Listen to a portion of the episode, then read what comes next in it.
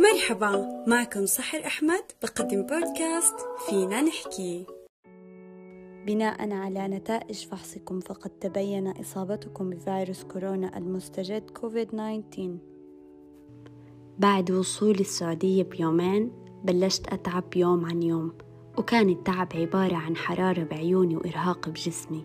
وكل ما أجي أحكي لحدا من عيلتي عن وجع عيوني وحرارة جسمي الداخلية كان واحد فيهم يحكي لي يمكن إرهاق السفر وحدا تاني يمكن حساسية من الجو. وكل الاحتمالات كانت موجودة وكان من المستحيل حدا يخطر عباله إني أكون مصابة بالكورونا لأنه طبيعي سافرت وأنا عامل ال PCR قبل سفري بيوم ومرضت بعد ما وصلت. أنا بهاي الأيام كنت أحس إني منيحة لما أخذ حبة المسكن فخلص ما أفكر إنه تعبي ممكن يكون مؤشر خطر جاي على الطريق. كل الأشياء اللي بتنحكى بين الناس أو حتى بالأخبار إنه مدام حاسة الذوق والشم موجودة أنت بعدك مو مصاب بالكورونا. وهالحكي مو صحيح لأنه بعد نتيجة فحصي بلشت أفقدهم.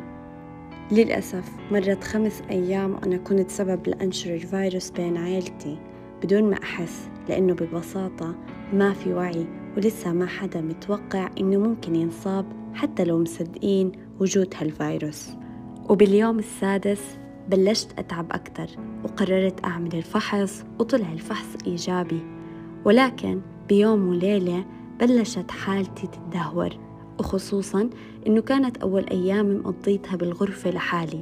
ولكن بعد يوم ومع الأسف بلشت الأعراض المختلفة تبين على أختي على أخوي على أولادهم وبدأ كورونا يأثر علينا. وبهيك ما في داعي للغرفة والعزل.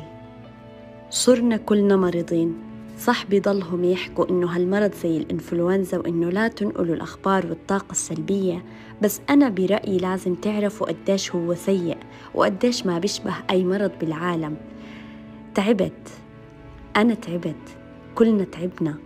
أمي تعبت. أمي اللي كنا طول الوقت خايفين تتعب بسبب عمرها وبسبب خوفنا الكبير عليها. مع هيك لا اعتراض على حكم الله. هالمرض بيجيك بكتير حالات مختلفة. مش ضروري زي لما يخطر عبالك تبحث على جوجل وتكتب شو هي أعراض الكورونا أو حتى لما تسمع جواب هالسؤال في الأخبار ويحكوا لك أول شي وأكتر شي متداول الكحة ووجع الحلق والحرارة فقط. لا مش صحيح. أنا بدي أحكي لك شو اللي صار معي. أول الأيام كان في وجع بعيوني لدرجة صار لونهم أحمر وبعديها بلشت السخونة اللي بتطلع من الجسم مثل النار وفعليا مثل النار ووجع العظم والإيدين والمفاصل اللي زي كأنه حدا عم يكسر لك إياها. حرفيا كان شعور جدا مؤلم وبرجع بكرر المرض ممكن يجي بحالات كتير مختلفة. قديش الوقت كان هو الشي اللي طول مرضنا بنسأل عنه؟ لأنه عم نستنى موعد المسكن الحبة اللي هي على أساس بتخفف المرض وبتهدينا بس هي بكتير مرات وجود هالحبة زي عدمه. في وقت مرضك وتعبك وأسوأ حالاتك بتعرف مين معك ومين بهمه تكون بخير وبتعرف كمان مين أعطيته حجم أكبر من اللي بيستحقه مع إنك كنت معاه بكتير أشياء وبوقت ضعفك تركك لأنه ببساطة ما بهمه أمرك.